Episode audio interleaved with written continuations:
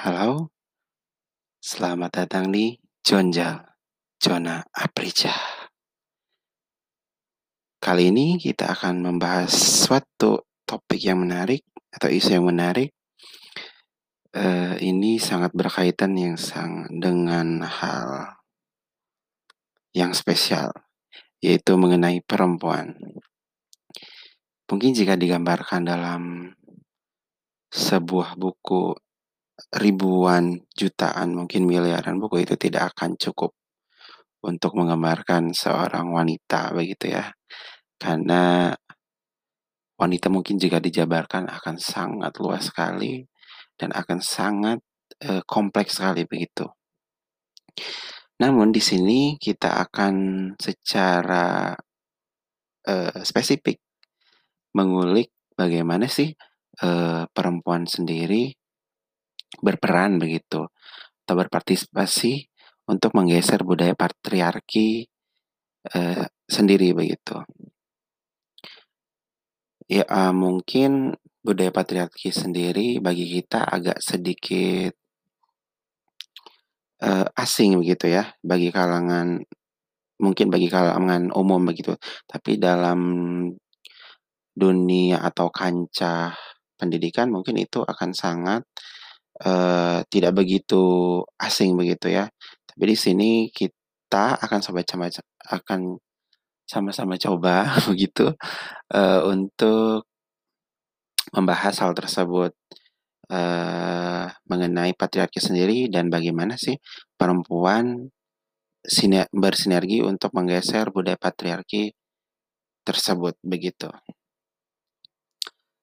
Nah, patriarki uh, ini sangat menarik untuk dibahas karena uh, ini akan sangat ber apa namanya ya berhubungan dengan uh, gender begitu ya dengan seksualitas kita begitu antara perempuan dan laki-laki tentunya. Patriarki sendiri itu adalah sebuah sistem sosial sebenarnya yang mana laki-laki ditempatkan sebagai uh, pemegang kekuasaan utama atau pemeran utama lah bisa dikatakan jika dalam sebuah filmnya begitu. Sedangkan wanita sendiri adalah pemeran pembantunya.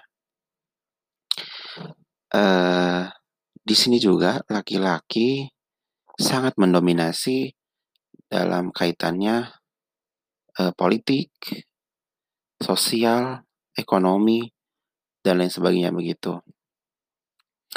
Uh, dalam kancah kecil kita juga bisa melihat di dalam uh, rumah tangga begitu ya, yang mana kita tahu seorang kepala keluarga itu tidak lepas dari yang namanya seorang laki-laki begitu.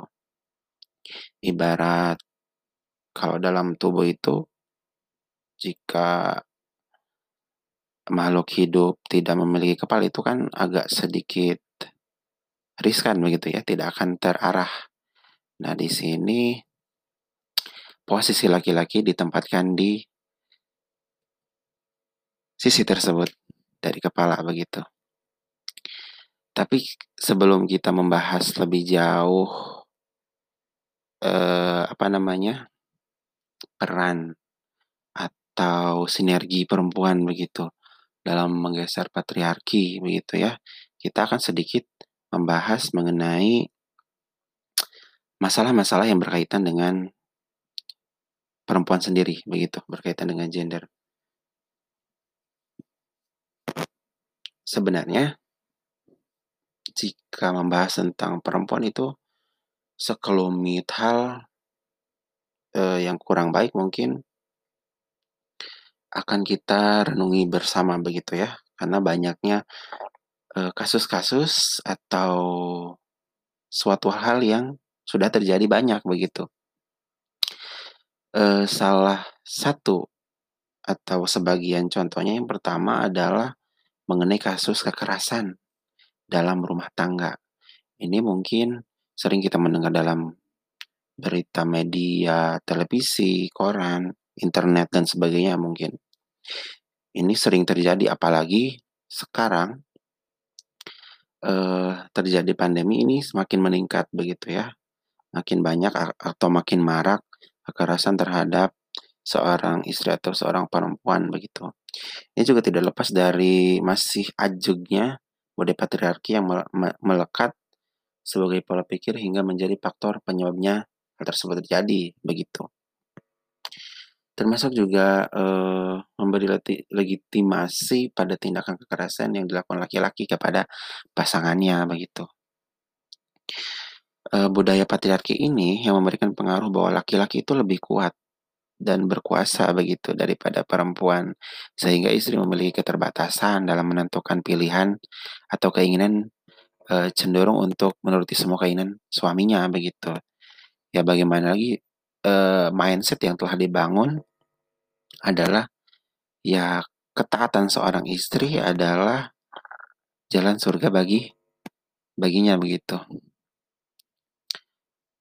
Eee, mungkin juga dalam hal ini, keinginan buruk suami juga akan harus terpenuhi begitu ya. Yang selanjutnya adalah kasus pelecehan yang terus marak terjadi ya, apalagi untuk perempuan begitu. Yang di mana mindset yang dibangun di sini adalah seperti tidak jauh seperti tadi, posisi laki-laki itu adalah sebagai pihak yang sangat gagah, cenderung memiliki kelelu keleluasaan ibaratnya begitu ya, untuk melakukan apa pun terhadap seorang perempuan. Yang kita tahu adalah perempuan itu lemah, perempuan tidak bisa melawan begitu, perempuan tidak bisa, eee mengambil sikap begitu ya, itu yang sangat bahaya. Ini juga yang menyebabkan tingginya angka pelecehan seksual di Indonesia sendiri. Eee, budaya ini juga sebenarnya memberikan konstruksi dan pola pikir apab apabila laki-laki berkaitan erat dengan ego maskulinitasnya begitu. Sementara feminitas sendiri diabaikan dan dianggap sebagai sesuatu yang lemah, seperti yang tadi saya ungkapkan begitu. Eee, terdapat juga pola yang disebut dengan victim blaming atau suatu kondisi di mana pihak korban yang justru menjadi objek atau sasaran kesalahan dari sebuah kejadian.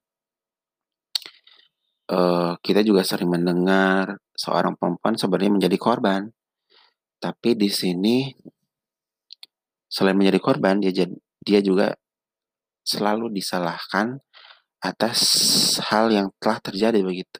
Contoh yang eee, masih hangat kemarin adalah seorang wanita atau perempuan begitu, eee, masih duduk yang masih duduk di tingkat SMP itu dia digauli atau dilecehkan oleh seseorang yang memiliki istilahnya apa ya struktur sosialis yang sangat tinggi di masyarakatnya. Eee, pelaku tersebut adalah seorang anak dari anggota dewan, dan sampai sekarang ini menjadi sesuatu hal yang sangat kalau istilahnya belum beres begitu ya, belum ditindaklanjuti. Seperti halnya perempuan ini eee, memiliki kelemahan juga di dalam hal tersebut, begitu. Selain kita tahu bahwa orang-orang penting memang sangat sulit ditembus, begitu ya. Yang selanjutnya adalah pernikahan dini. Ini juga sering menjadi hal yang sangat banyak terjadi begitu, terutama di daerah-daerah pelosok di Indonesia. Apalagi se sejak pandemi, ini terus meningkat begitu. Eee, ini juga tidak jauh dari pengaruh dari budaya patriarki begitu, dan konstruksi sosial yang dibentuk oleh masyarakat mengenai pernikahan dini tersebut sebenarnya. Eee, di mana juga perempuan adalah digambarkan seperti penerima nafkah dan hanya berkecimpung di sektor domestik begitu. implikasinya adalah kebebasan mereka benar-benar dibatasi itu dengan status seorang istri. Ya katakanlah ketika uh, perempuan menjadi seorang istri, itu ruang geraknya itu akan sulit begitu ya, akan selalu di uh, terkunci begitu oleh seorang suami begitu. Seperti mereka uh, mereka ini tidak diberi kesempatan untuk meneruskan pendidikan begitu ya ya ke jenjang yang lebih tinggi untuk membuka cakrawala pengetahuannya begitu, untuk mengembangkan bakatnya begitu. Uh, sebagian besar dari mereka juga yang berstatus ibu rumah tangga cenderung memang tidak produktif sama sekali begitu karena memang ya tadi ruang gerak mereka itu dibatasi bagaimana mereka ingin memberikan suatu karya sedangkan mereka sendiri sibuk hanya mengurusi hal-hal dapur begitu. Yang katakanlah tidak ada henti-hentinya.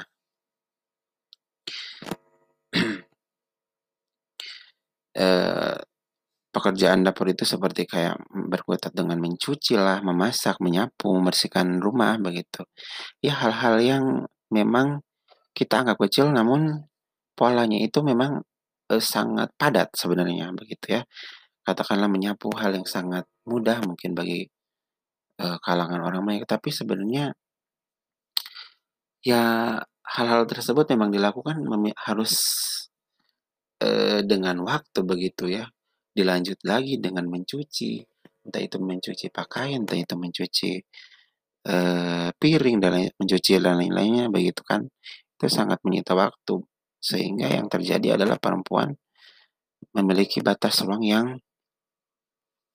uh, apa namanya, terhalang begitu ya untuk bisa berkecimpung di dunia lain begitu. Bukan dunia gaib sih, tapi dunia selain di rumah tangga begitu. Oke, itu tadi segelintir kelut-melut yang telah dihadapi seorang wanita atau perempuan. Di sini kita akan membahas selanjutnya adalah sinergi seorang perempuan. Nah, kita beranjak dari hal-hal yang sangat membingungkan begitu. Di era sekarang, di zaman sekarang ini sudah terlihat peran seorang wanita itu sangat luar biasa begitu ya. Dan sekarang perempuan juga sangat mendominasi di berbagai sektor begitu. Katakanlah itu sektor politik, eh, sosial, ekonomi, budaya dan lain sebagainya uh, banyak contoh yang bisa kita kaitkan dengan hal tersebut.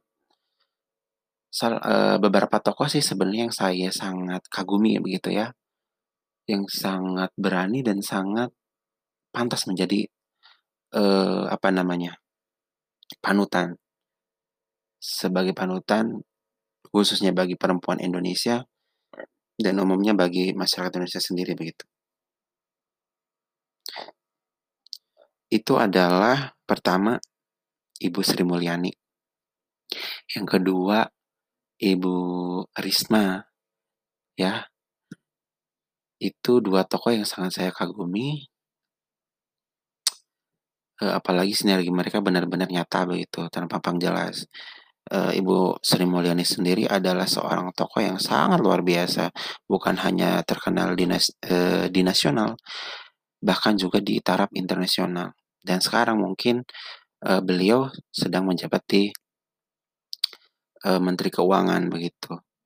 Yang sangat menarik adalah beliau tuh benar-benar sangat gigih, apalagi uh, sekarang banyak kasus yang mencuat dan memunculkan nama beliau sebagai seorang yang tangguh, uh, cekatan dan sangat uh, agresif begitu ya untuk melakukan tugas negaranya.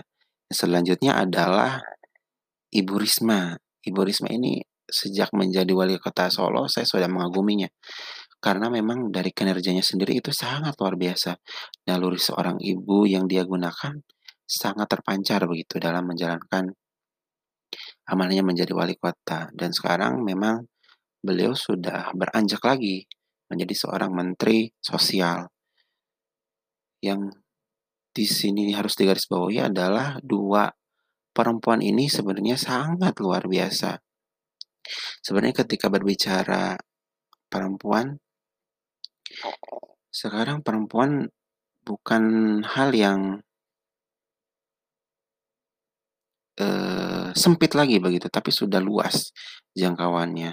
Seperti tadi yang eee, saya contohkan begitu, sebenarnya wanita bisa dan mampu untuk berkarya.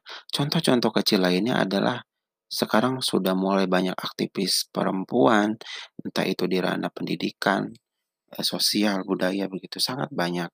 Bahkan mungkin eee, kita tidak bisa meremehkan seorang perempuan begitu, di zaman sekarang karena sangat luar biasa peranannya begitu ya.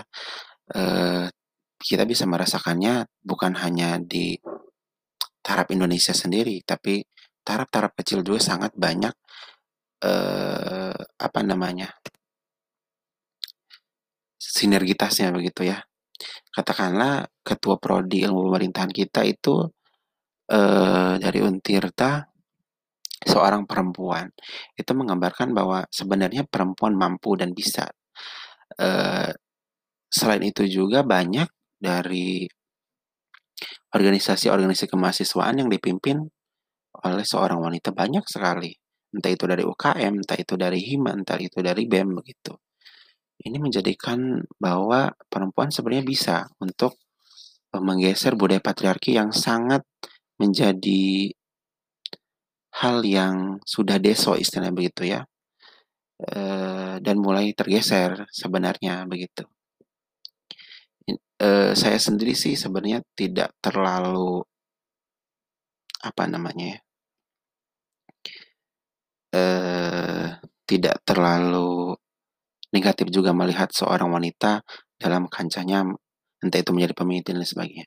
Saya justru lebih kenapa tidak begitu, ketika memang seorang wanita dibutuhkan dalam proporsi tersebut. Kalau jika, eee, tempat tersebut memang cocok dan layak untuk dirinya, seperti itu. Oke, eee, teman-teman, sampai sini saja mungkin, eee, podcast kita kali ini. Eee, intinya adalah perempuan di era sekarang bukanlah perempuan yang kaku, tapi sudah mulai menunjukkan atraksi-atraksi yang luar biasanya. Sekian dari saya. Sampai jumpa.